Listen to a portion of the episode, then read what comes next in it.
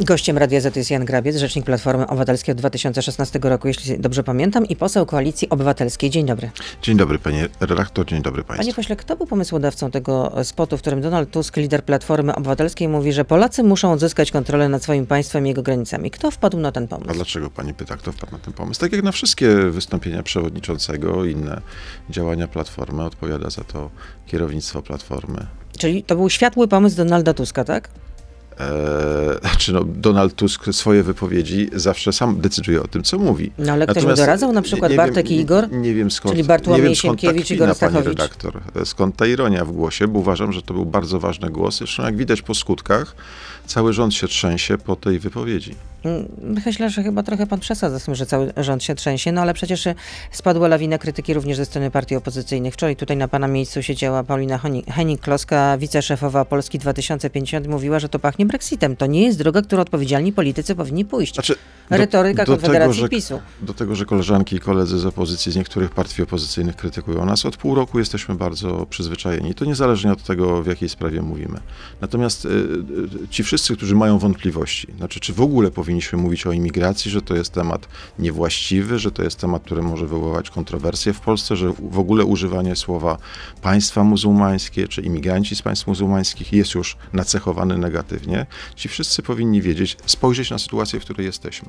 PiS zaplanował kampanię wyborczą najbliższe trzy miesiące jako pomysł na szczucie przeciwko imigrantom i pomysł na szczucie przeciwko opozycji. A wy wchodzicie w tą grę. A wy wchodzicie a w tę my wręcz grę. przeciwnie, wywróciliśmy stolik bo od y, soboty, od niedzieli Polacy dowiedzieli się, że y, rząd PiS prowadzi najbardziej li, liberalną politykę imigracyjną na świecie, że przyjmujemy, wydajemy więcej decyzji o pobycie w Polsce cudzoziemców, obcokrajowców, imigrantów niż Ale Niemcy są weryfikowani, i Francja. są weryfikowani Niemcy jednak. i Francja razem wzięte. Każdy weryfikuje w jakiś sposób. No tak, może wcześniej Donald Tusk mówił, że to są biedni ludzie, którzy szukają swojego miejsca na ziemi, nie trzeba robić takiej obrzydliwej, ponurej propagandy wymierzonej w migrantów, bo to są ludzie, którzy potrzebują pomocy.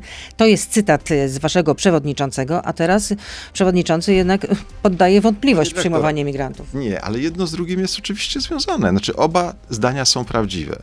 Po pierwsze, nie można traktować ludzi jak śmieci, czy jak siłę roboczą, która nie ma znaczenia, która nie ma swojego życia, doświadczeń, nie ma rodziny, nie ma bliskich, nie ma kręgu kulturowego, w którym żyje. E, tak jak robi to dzisiejszy rząd. Z drugiej strony e, e, sprawienie, że z, właściwie z roku na rok Polska stała się największym hubem imigracyjnym na świecie, że wydajemy pozwoleń na pobyt więcej niż Stany Zjednoczone, Niemcy czy Francja, jest po prostu y, czymś szokującym i czymś nieodpowiedzialnym. Znaczy, Ale... bez, y, nigdy y, żadne, żadne państwo nie pozwala sobie na to, żeby stwierdzić, że każdy, kto chce, może tam przyjechać i robić, co chce. Po to są granice, po to są procedury, żeby państwo prowadziło politykę imigracyjną. No, Angela Merkel mówiła w 2015 roku, że będziemy przyjmować wszystkich. Ten drugi A Donald spot... Tusk, proszę zauważyć, prowadził zupełnie inną politykę jako szef Rady Europejskiej. To on doprowadził do zatrzymania kryzysu imigracyjnego, za, blokując granice Unii i organizując ale mówił, obozy. Kary przecież za organizując obozy. No ale to, migrantów. Ale to, no właśnie, ale tu mówimy właśnie dokładnie, pani rektor cytuje PiS, ja to rozumiem. Tylko, e, że jakby tę propagandę trzeba rozwikłać. E, żadne kary nam nie grożą. Polska nie jest zmuszona do przyjmowania jakichkolwiek imigrantów. Wystarczy, przewidziała to e, e, ta legislacja europejska, to ustalenia Rady, że jeśli e, państwa, których e, przyjęły Ukraińców, e, nie czują się na siłach, żeby uczestniczyć w tym mechanizmie, nie muszą. Ilva I Czesi z tego Johansson, skorzystali. Przepraszam, że wydaję słowo. Ilva Johansson, unijna komisarz do spraw wewnętrznych, podczas konferencji prasowej na Lampedusie powiedziała, że jeśli jakieś państwo nie zaangażuje się w relokację migrantów, to musi płacić. E, A e, treść konkluzji ze szczytu Unii Europejskiej mówi, że jeśli jakieś państwo przyjmuje e, dużą liczbę uchodźców z Ukrainy, nie musi w ogóle No to- uczestniczyć w tym mechanizmie Ale to w relokacji. takim razie po co podają takie słowa ze strony unijnej komisarz do spraw wewnętrznych? Bo Która mówi wyraźnie, że będą jednak kary. Unijna komisarz mówi do tych, którzy nie przyjmowali uchodźców z Ukrainy. Panie doktor, w Unii Europejskiej jest trochę więcej państw niż, niż my i, i Włosi. No to nie musi mnie pan przekonywać I, do tego. E, I nic dziwnego, że Włosi oczekują od e, partnerów w Unii z północy Europy, że Włosi otrzymają pomoc. Zresztą koleżanka partyjna pana pre, prezesa Kaczyńskiego e, i pana premiera Morawieckiego z tej samej frakcji w Parlamencie Europejskim.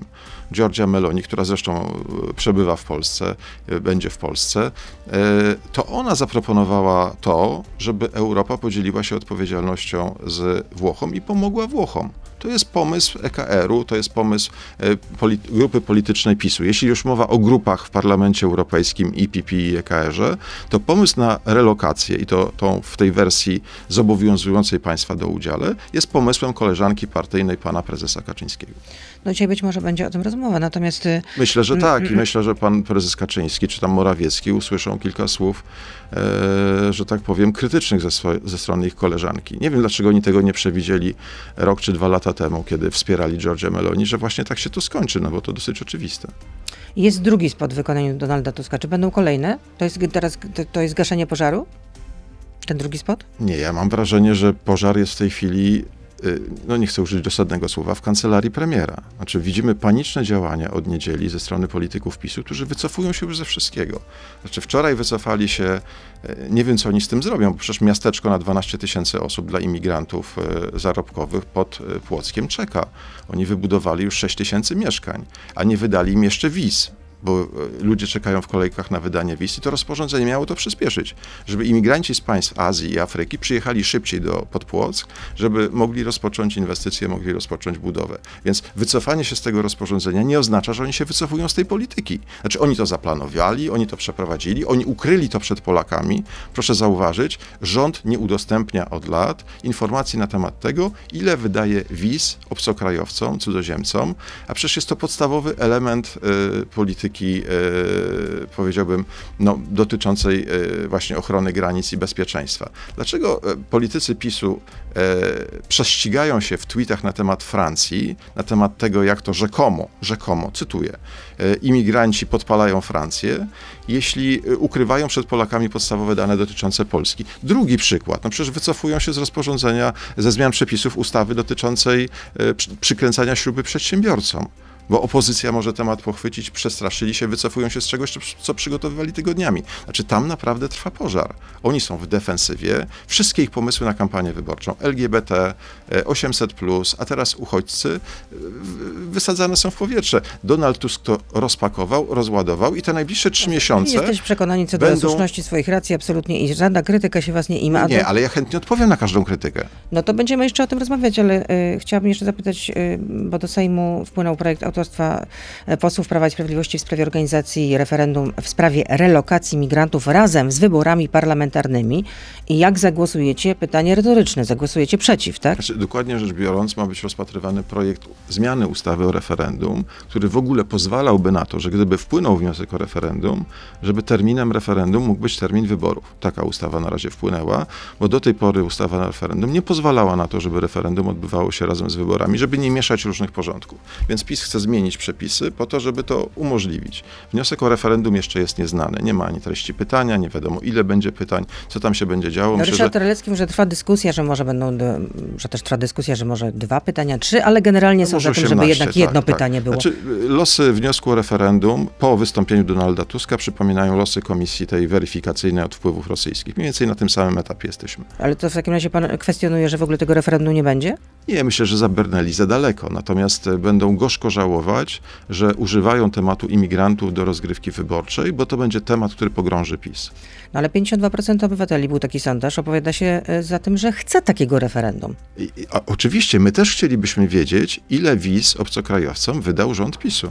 No, ale, każdy by chciał wiedzieć, każdy chciałby mieć na to wpływ. Sondaż, a oni to przed z referendum tego się, Znaczy z, z, głosowania w sprawie referendum tego się nie, nie, nie dowiemy. Ale, ale, też był sondaż, że Polacy też ale no, głosowanie poprzedza akcja e, informacyjna. Obowiązkowych, e, tych, w ramach obowiązkowej relokacji no i tego właśnie się boi, boi PiS. No jak można mówić, że 136 tysięcy imigrantów z państw Azji i Afryki to nie jest problem, a 1800 imigrantów jest problemem. Znaczy oni mówią jednocześnie jedno i drugie.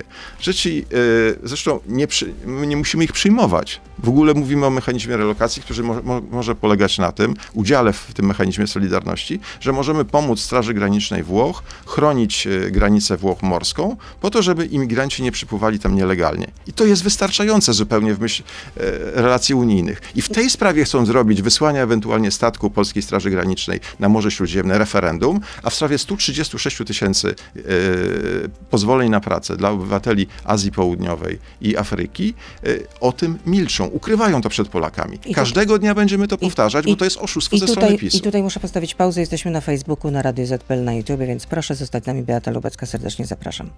To jest gość Radia Z. Przypomnę, że gościem Radia Z jest Jan Grabiec, rzecznik Platformy Obywatelskiej, poseł Koalicji Obywatelskiej, ale jest też druga strona medalu, że firmy nie poradzą sobie z, bez pracowników e, z zagranicy. Dzisiejsza Rzeczpospolita pisze, że co czwarta firma w Polsce zatrudnia cudzoziemców spoza Unii Europejskiej.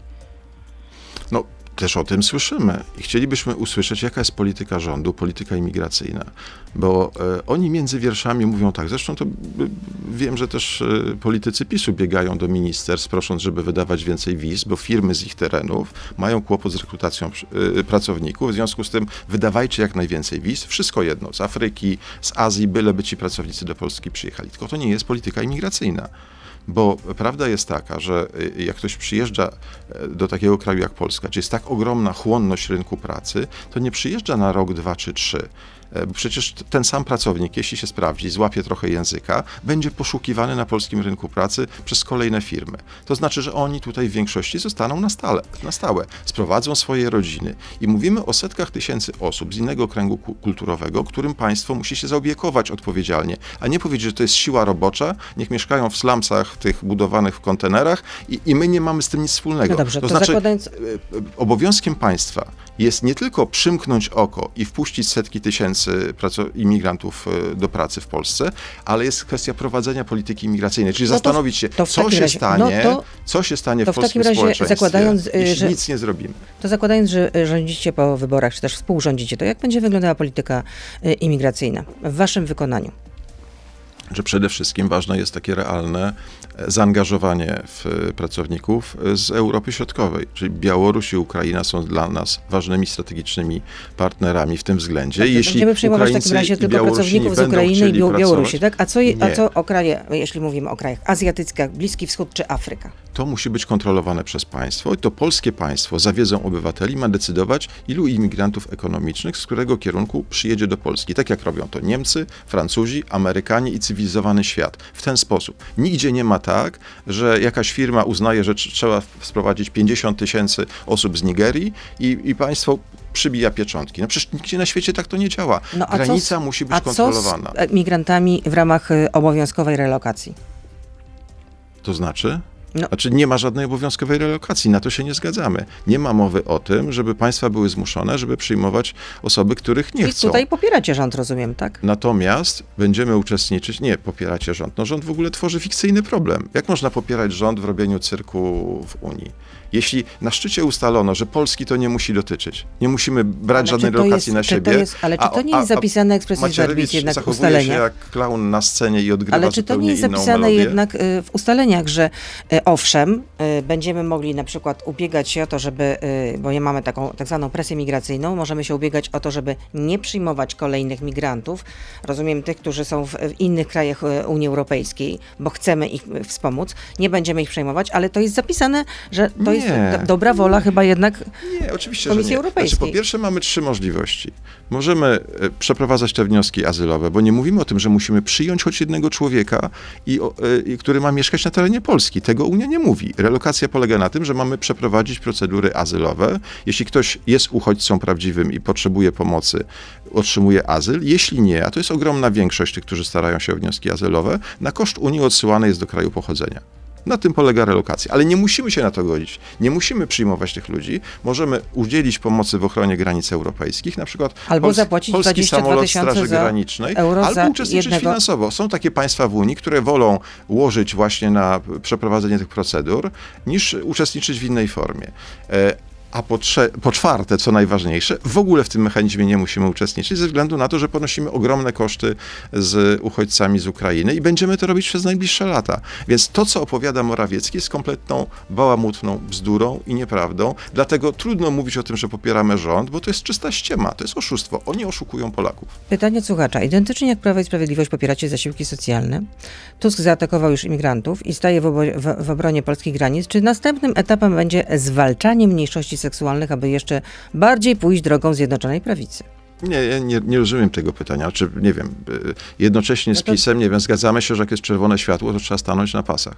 Tak? Y, Samochód powinien się zatrzymać. No, na przykład opowiedzieliście za tym, żeby podwyższyć 500 plus do kwoty 800 plus. Opowiedzieliśmy się za tym, żeby od pierwszego, skoro PiS chce wprowadzić jako grę wyborczą, grę dziećmi, czyli 800, bo ogłosili, że jeśli ludzie na nich zagłosują, to po wyborach będzie 800. To ogłosili dokładnie na, na swoim e, partyjnym e, tam spędzie, ulu, czy jak to tam się nazywało.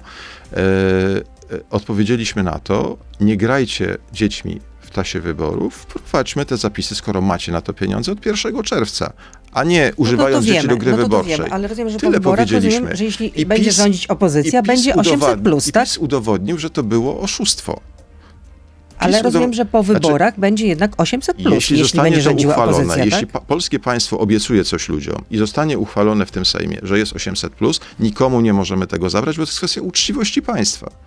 My I natomiast zadbamy o to, żeby gospodarka się rozwijała, żeby były na to pieniądze, a nie żeby wszystko odbywało się z zadłużenia, jak to dzisiaj jest w Polsce. Setki miliardów złotych PiS nowego zadłużenia w ciągu tych ośmiu lat nałożył na Polaków i to jest e, co, to, coś najgorszego. Nie jest czymś najgorszym, czy nie jest problemem to, że e, rodziny wielodzietne dostają pomoc od strony państwa, bo tak jest w każdym państwie Unii, czy, czy, czy cywilizowanym państwie świata. Problemem jest to, że oni mówiąc, że rzekomo mają na to pieniądze, za, za, zadłużają na setki miliardów Polskę i że to się odbija na stanie gospodarki. To jest prawdziwy Czy problem. będzie próg dochodowy?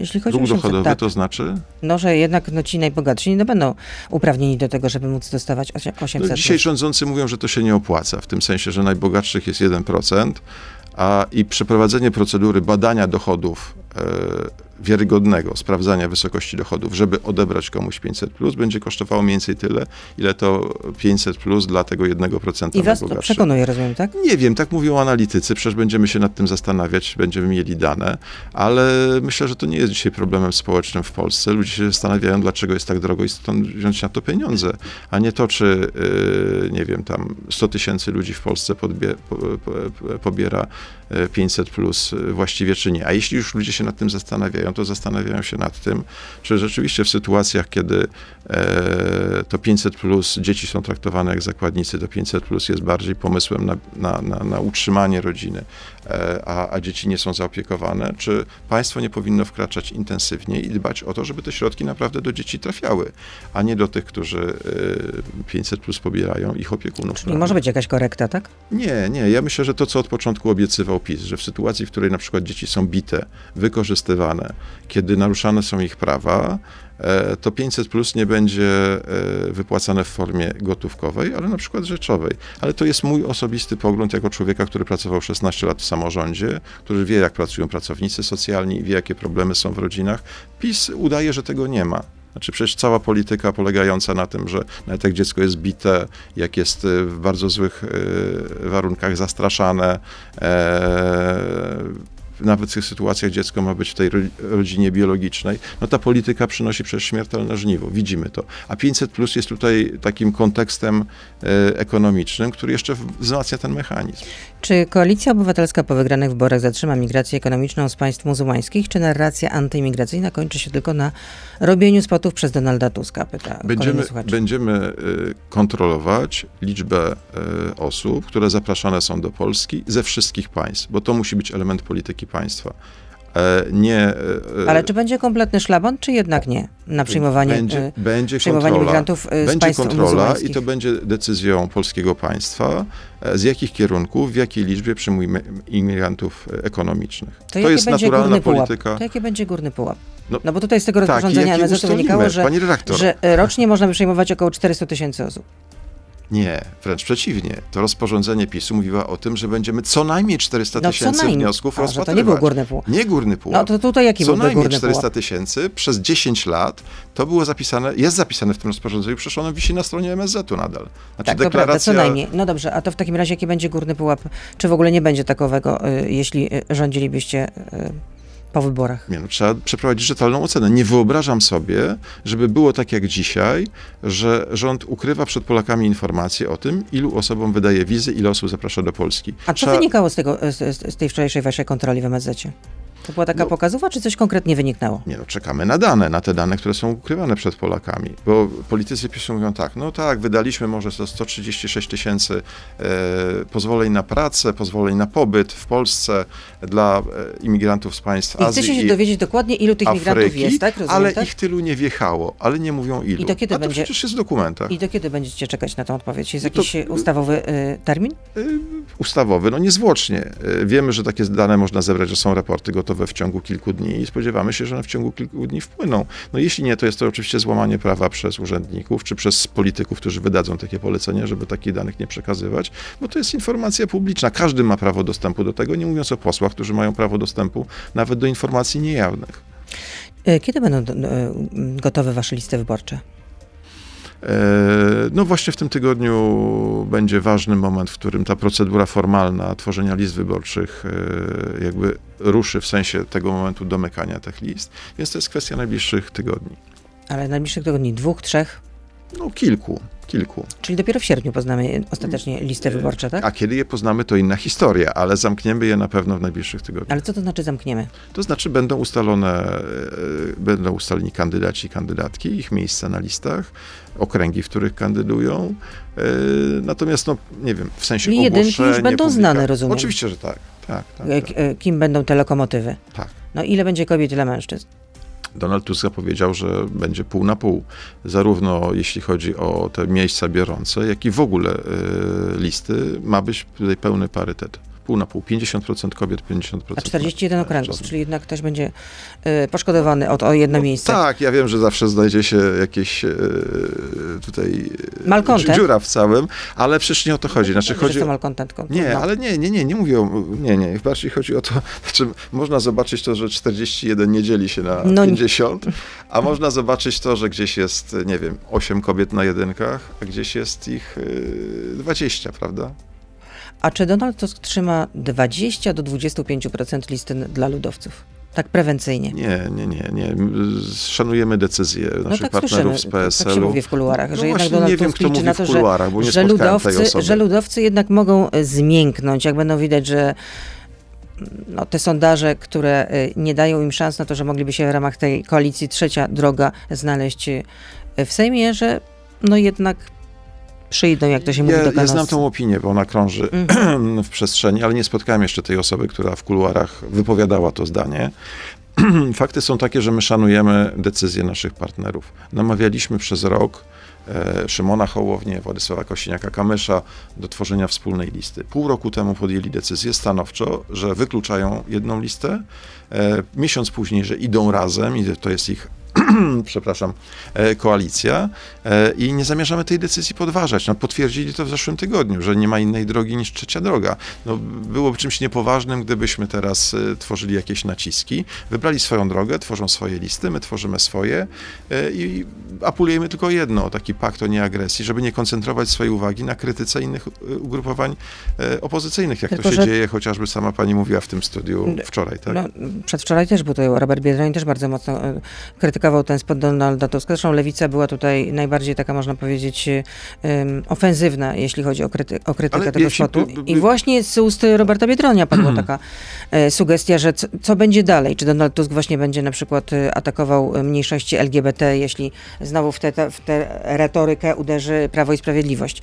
Ale Ale, ale to jest właśnie nieuczciwe, bo Ja jestem przekonany, że Robert Biedroń oglądał spot Mateusza Morawieckiego, który miał 5 milionów zasięgu na oficjalnych kontach PiSu. Ja nie mówię o, o Ale mówimy o tym, że premier zestawił to, że z jednej strony są te zdjęcia z Francji, tak, tych szczuł samochodów na imigrantów, sklepów, tak, szczuł na imigrantów, a bo to był spot- z, tymi, z tymi sielskimi obrazkami z polskich miast, To tak? był spot pro- propagandowy, który można po, porównywać do propagandy gebelsowskiej, tak? Te jakby mówienie o, o zagrożeniu w kontekście e, ludzi, których kompletnie nie znamy, w kontekście e, tych, ty, tego, co się dzieje we Francji. Więc to był spot gebelsowski i, i myślę, że i dla Roberta Biedronia, i dla e, e, koleżanki e, Heni Kloskiej, to zachowanie premiera Morawieckiego no, chyba jest nie do przyjęcia. A ja słyszę główne wypowiedzi na temat spotu Donalda Tuska, który jest uczciwy, rzetelny, w którym nie ma ani słowa, które kogokolwiek by deprecjonowało,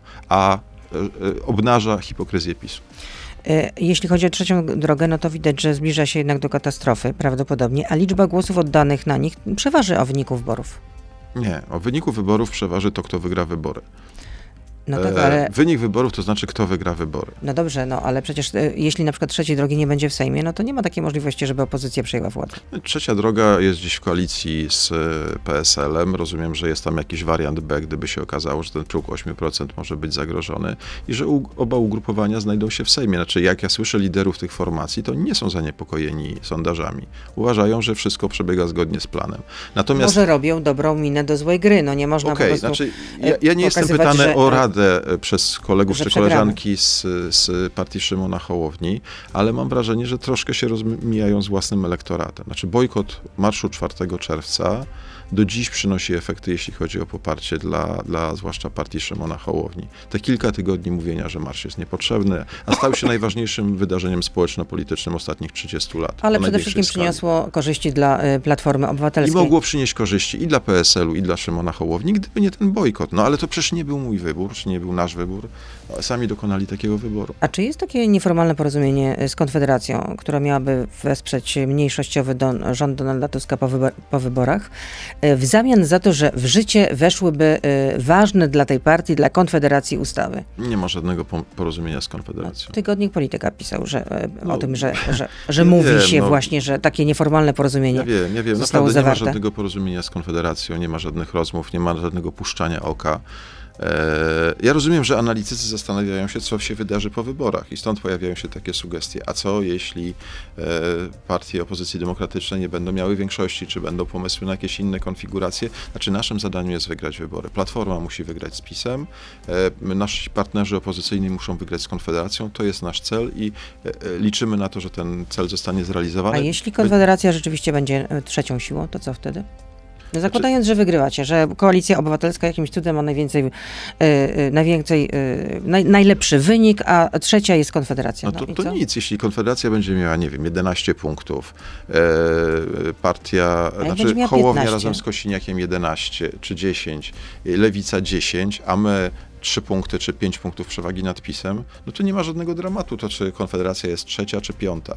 Znaczy najważniejsze są te wyniki. To, żeby Platforma pokonała PiS i to, żeby Lewica razem z e, tym, tym trzecią drogą miała więcej mandatów niż Konfederacja. Znaczy, to jest po prostu cel kampanii wyborczej. Ja nie widzę zagrożenia, żeby nasi partnerzy nie uzyskali lepszego wyniku e, w parlamencie niż Konfederacja. Nie ma żadnych podstaw do tego, żeby tak uważać, zwłaszcza, że jest mnóstwo argumentów, e, zwłaszcza e, jeśli chodzi o, o naszych partnerów z Lewicy, którzy, które mogą odbić część elektoratu Konfederacji, tych ludzi, którzy mają poglądy lewicowe, bo tacy też dzisiaj deklarują, że poprą Konfederację, nie mając pojęcia, jaki jest program Konfederacji. Myślę, że to jest ogromne zadanie dla Lewicy i jak widzę koleżanki i koledzy z Lewicy, dokładnie dzisiaj to robią.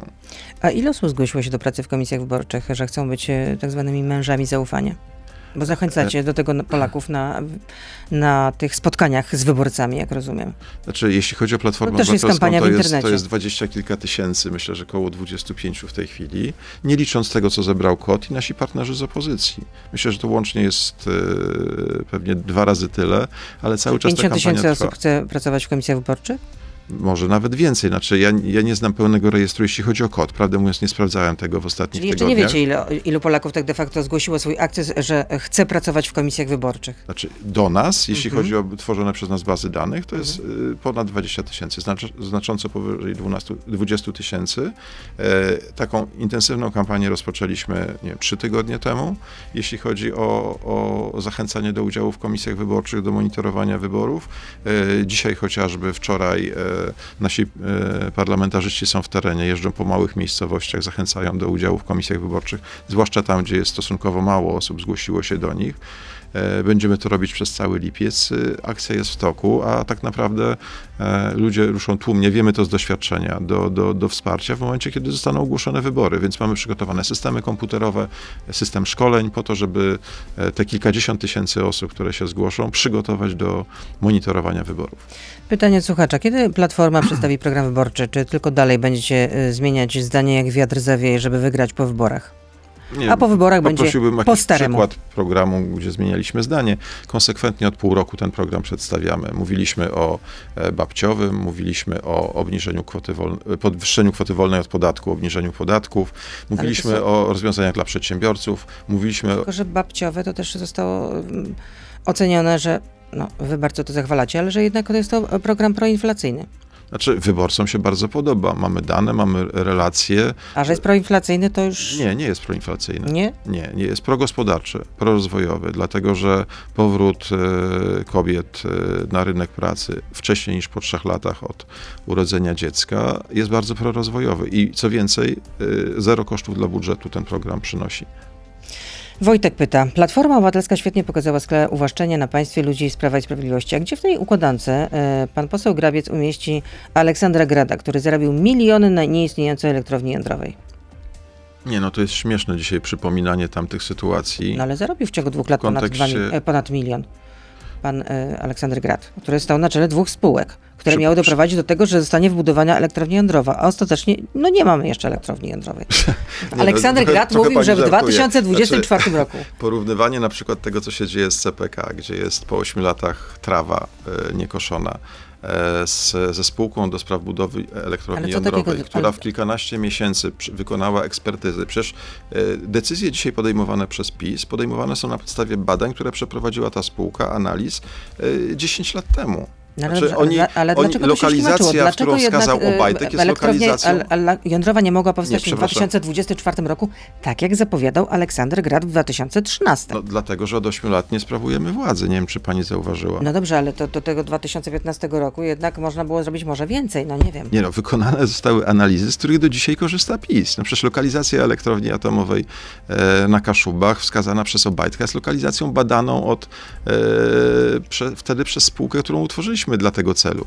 E, przecież PiS e, mimo 8 lat nie zrobił nic więcej właściwie niż e, ta działająca, ile, dwa lata? Kilkanaście miesięcy spółka za czasów Platformy? A, a mówimy już nie o milionach, spółka nie o setkach w milionów. W 2010 roku. Dziś, no dobrze. W 2010 to, roku. 10 już, ta tak? tak no to, to 5 spółka okay. PGE. Minęło kolejnych e, 8. I naprawdę, poza tym, co zrobiła, e, co, co zrobiliśmy za naszych czasów, PiS posunął się niewiele dalej. No, podpisał deklarację, że, że wybiorą firmę amerykańską do, do budowy tej elektrowni, a tak naprawdę drepczą w miejscu. No, poza tym, że jeszcze pan Obajtek kupił działki w sąsiedztwie elektrowni atomowej, to jakby inna historia. Prywatna. Ursula von der Leyen na czele NATO, jako e, sekretarz generalny. Jak pan widzi taki pomysł?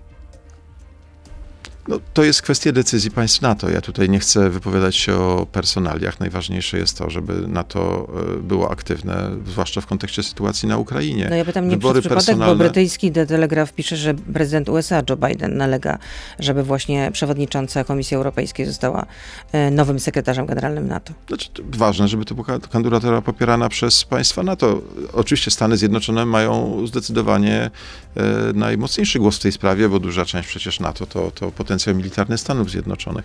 Więc y, ja nie chcę się wypowiadać o tych kandydaturach, no bo to są ciągle trochę spekulacje, prawda? Spekulujemy o, o przeciekach z rozmów, które na ten temat się toczą i z doświadczenia wiem, że No mamy jeszcze wyniki czasu, takich bo rozmów... kandydatura, e, znaczy ta kadencja Stoltenberga została o, o rok przedłużona jeszcze.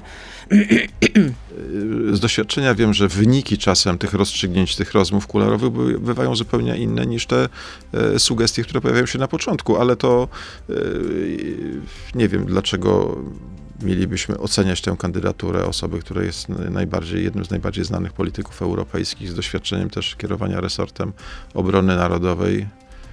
Może miałoby sens, gdybyśmy porównywali kilka kandydatur, prawda? To można by jakoś to, to wartościować, ale jeśli Amerykanie chcieliby wskazać, y, a taka jest tradycja polityka europejskiego, jeśli chodzi o szefowanie NATO, to tylko dobrze. Jakub pyta, pana biuro poselskie zatrudnia jedną osobę, a na jego wyposażenie zakupił pan trzy telefony komórkowe, słuchawki za 1000 zł. Kto korzysta z pozostałych dwóch telefonów? E, Moje biuro, biuro zatrudnia jednego pracownika na umowę o pracę i trzech pracowników na umowę zlecenie. Ponadto mam kilku współpracowników, którzy e, współdziałają z biurem, więc cały sprzęt jest wykorzystywany na bieżąco. Czyli z tych dwóch telefonów e, korzystają ci pozostali pracownicy Cztery osoby. zatrudniani na umowę zlecenie, tak? E, tak, tak. No, to A nie jest udało się ich naturalna... zatrudnić na umowę o pracy? No nie dało się, nie udało się. Ale nie udało się, bo? Bo, bo, bo y, środki, które mamy na ten cel są niewystarczające. Trzeba zapłacić za czynsz. No czynsz pod Warszawą to zupełnie inne koszty czynszu biura niż, nie wiem, gdzieś e, w e, terenach, gdzie te koszty czynszów są mniejsze. Zresztą wszystkie koszty funkcjonowania biura są dostępne w internecie. Można to szczegółowo przejrzeć, na co trafiają te środki. E, więc, a ponieważ potrzebuję ekspertów z różnych dziedzin, to też nie chodzi o to, że wystarczy zatrudnić kogoś na jeden etat i żeby biuro w pełni funkcjonowało. Jest kwestia zaplecza dotyczącego i kwestii prawnych, i kwestii organizacyjnych i to, to chyba jak w wielu firmach czy podmiotach w Polsce mami zlecenia się, się załatwia, zwłaszcza, że nie, nie jest to praca pełnoetatowa, tylko dotycząca określonych czynności. Adrian pyta, czy zgadza się pan e, z koleżanką partyjną Janiną Ochojską, że burdy we Francji można porównać do Marszu Niepodległości? Nie wiem, dlaczego snuć takie porównania, natomiast e, pamiętam bardzo drastyczne sceny z Marszu Niepodległości, podpalania e, No ale skali, obiektów ale skali nie można tego użyteczności porównać, publicznej. absolutnie. No nie, nie, No, no Francja w ogóle, ma swoją no. tradycję w tym zakresie. Można porównać na pewno do, do protestów żółtych kamizelek. 10 osób wtedy zginęło, kilka tysięcy zostało rannych. No, ale ktoś zginął podczas Marszu Niepodległości? Nie, mówię o porównaniu wydarzeń we Francji teraz A. i z czasu y, żółtych kamizelek, bo politycy PiSu czy Konfederacji lubią przywiązywać to do koloru skóry. Jakby to, że ktoś protestuje, to jest kwestia koloru skóry, co jest absolutnie rasistowskim podejściem. Ci, którzy protestowali w tych żółtych kamizelkach, y, byli Francuzami, że tak powiem, o innym kolorze skóry, jeśli oni używają tych, tych, tych dystynkcji, więc jakby łączenie tego z kolorem skóry jest, jest absurdalne, jeśli chodzi o Francję. Natomiast y, y, no, oczywiście sposób ekspresji niepokojów społecznych zależy trochę od sytuacji w tych krajach. Niewątpliwie e, w Polsce również gotuje się, jeśli chodzi o, o, o ten klimat społeczny. E, Mam nadzieję, że w Polsce do taki, tego rodzaju zachowań społecznych nie dojdzie, chociaż e, no, od czasu do czasu są takie erupcje e, właśnie przy zachowaniach e, brutalnych ze strony policji. Mieliśmy takie przypadki, gdzie, gdzie zjeżdżały się tysiące ludzi, e, młodych mężczyzn, którzy żądali natychmiastowego rozliczenia policjantów, którzy na przykład, których działania mogły mieć związek ze śmiercią młodych ludzi. że są podpalane sklepy. Nie, i, oczywiście, że nie. e, Oczywiście, że no, nie. Nawet Poza, bo, no, poza tymi incydentami z Marszu państwowy Niepodległości, kiedy podpalano, podpalano sprzęt, e, samochody e, stacji telewizyjnych, kiedy podpalano obiekty użyteczności publicznej. To się zdarzało, ale oczywiście to były incydenty w innej skali. E, Czy koalicja obywatelska przestanie w końcu przytakiwać na wszystko, co powie Unia Europejska i opowie się po stronie polskiej? To jest kolejne pytanie od słuchacza. E, Ale z Nowogrodzkiej, czy nie podpisał się? Nie No, podpisał się. Ma tu jakiś Rozumiem, że e, ktoś, że ktoś nie... Ale pan od razu nie, zakłada, że generalnie że stoi za tym Nowogrodzka, tak? Albo jakieś, Oczywiście, nie wiem... tak. Znaczy nikt, kto e, korzysta z mediów poza TVP, nie sformułowałby takiego zdania. Spotykamy się z dziesiątkami tysięcy ludzi, nikt nam takich pytań nie zadaje. Chyba, że ktoś jest takim twardym elektoratem Jednak PiSu jest to pytanie, to proszę odpowiedzieć na to pytanie. Na jakie pytanie? No to właśnie, no czy... Czy przestanie pan bić żonę, tak? Nie, no. No to jest takie pytanie. Nie, no, czy opowie się pan po stronie polskiej, czy koalicja obywatelska opowie się po stronie polskiej, czy, czy ta polityka wobec Unii Europejskiej będzie, no nie wiem, bardziej y, niezależna. To chyba tak powinno być może sformułowane. No absurdalne. No, Polska prowadziła właśnie podmiotową politykę za czasów rządów Platformy. Dzisiaj rząd PiSu jest na kolanach, nie ma żadnych partnerów w Unii Europejskiej i na świecie. Krytykowany jest również przez naszych partnerów amerykańskich. Znaczy jedynym partnerem dla PiSu są dzisiaj e, Węgrzy. E, Orban, proros, prorosyjski Orban, e, wspierający Putina, jest dzisiaj jedynym partnerem na świecie rządu PiSu. No to jest kompletny upadek. I to jest działanie antypolskie. No Przecież silna Polska jest wtedy, kiedy nasz głos w świecie się liczy. No, ale nasz sojusz wtedy, chyba z kiedy- Ameryką chyba też jest dość taki, powiedziałabym, stabilny. Tak, ale słyszymy w ostatnich miesiącach, kilkunastu, bardzo częstą krytykę postępowania PiSu, rządu PiSu w bardzo wielu dziedzinach. Od kwestii gospodarczych po kwestie praworządności, e, czy chociażby to, mediów. to ostatnie skarcenie ze strony no, kompromitujące Morawieckiego skarcenie. E, Morawiecki ogłaszający, że e, rozmawia na temat umieszczenia broni atomowej w Polsce, a, a e, natychmiast ze strony Stanów Zjednoczonych przychodzi dementi, że to nieprawda, nie ma żadnych rozmów, Stany w ogóle tego nie rozważają. Przecież między partnerami tak się nie postępuje. Przecież trwa jakiś dialog dyplomatyczny, ludzie o tym rozmawiają i ogłaszają coś, co jest mniej więcej ustalone, a nie zachowują się jak, nie wiem, e, już nie chcę szukać porównań, ale pan premier Morawiecki jest wyjątkowo niepoważną osobą, jeśli chodzi o politykę zagraniczną. Czy Koalicja Obywatelska będzie realizować dyrektywę Fit for 55? Na razie realizuje tę dyrektywę rząd PiSu. Ale proszę nie odwracać Nie, ale to jest, ale nie, to jest nie, ważne. Nie. Znaczy dyrektywę Fit for 55 zgodził się na nią premier Morawiecki No dobrze, i rząd PiSu. Jej sposób Ale implementacji to jest zależy pytanie od polskiego rządu. rzeczywistość. Jeśli wygralibyście wybory, współrządzilibyście, to w takim razie czy dyrektywa Fit for 55 będzie realizowana? Czy jednak będzie jakiś opór? Znaczy, Czy wycofanie Znaczy- się z tego? Nie wiem, czy to w jaki ale sposób znowu- może zostać zrealizowane na, na forum Okej, europejskim. okej. Od 8 lat rządzi rząd PiSu, podpisał się pod tą dyrektywą premier Morawiecki, podpisał dokumenty, jest krytykowany w tej sprawie przez wewnętrzną opozycję w PiSie ze strony e, Ziobry. E, w TVP słyszymy, że Morawiecki jest przeciwko Fit for 55, chociaż to podpisał i to tło jest niezbędne, żeby powiedzieć o przyszłej polityce, bo e, kilkadziesiąt Dobrze, procent ale jakie Polaków jest zdanie nie ma pojęcia, nie ma pojęcia o tym, sprawie? że premier Morawiecki podpisał te dokumenty i że je wdraża w Polsce. Ale jakie będzie w takim razie wasze stanowisko w tej sprawie? Nasze stanowisko jest takie, że na transformacji y, gospodarczej, jeśli chodzi o energetykę, Polska może bardzo wiele zyskać. To są innowacyjne miejsca pracy, to są miejsca pracy, gdzie ludzie zarabiają nie 3 tysiące, tylko 13 tysięcy. Czyli będziemy to realizować. Będziemy realizować określone działania, polegające na przykład na tym, że w Polsce powinny przy nowoczesnych technologiach powstawać e, urządzenia e, do energetyki odnawialnej. Znaczy, powinniśmy na to postawić, są na to środki unijne i powinniśmy to wykorzystać. Jeśli pyta mnie pani o, o to, czy te fejkowe, krążące w sieci rozpowszechniane przez Konfederację i PiS informacje na temat tego, jak wygląda y, Fit for 55 będą w Polsce wprowadzane, to nie będą wprowadzane, bo są to fejki. I ostatnie pytanie. Czy jeśli Koalicja Obywatelska wygrałaby wybory, to y, czy zasiłki typu 500 plus dla obywateli Ukrainy będą utrzymane czy zniesione? No, yy, z całą pewnością jest to bardzo ważna kwestia dotycząca tego, co zrobić z tą ogromną rzeszą uchodźców e, ukraińskich, którzy są dzisiaj w Polsce.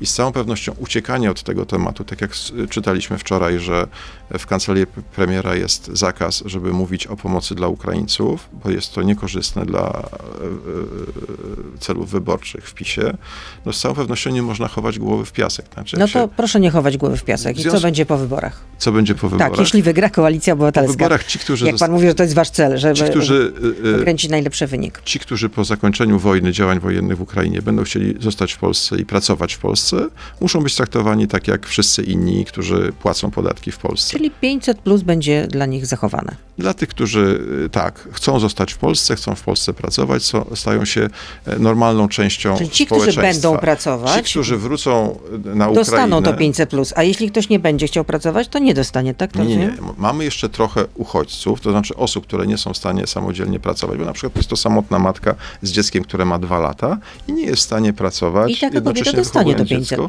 I taka kobieta do czasu, dopóki nie kończą się działania wojenne na Ukrainie, będzie otrzymywała pomoc, podobnie jak to jest w innych państwach europejskich. Zresztą Unia Europejska oferuje pomoc finansową państwom, które tego rodzaju świadczenia wypłacają. PiS korzysta z nich w bardzo niewielkim stopniu, oskarżając Unię, że nic nie daje, chociaż kilkaset milionów na ten cel do Polski wpłynęło. Więc reasumując, nie będziemy wycofywać się ze zobowiązań ze strony rządu PiSu, natomiast uważamy, że po zakończeniu działań wojennych na Ukrainie, kiedy już nie będzie kwestii pomocy tej humanitarnej e, uchodźcom, e, jest czymś oczywistym, że świadczenia dotyczą tych, którzy e, chcą tworzyć polskie PKB. To jest naturalne.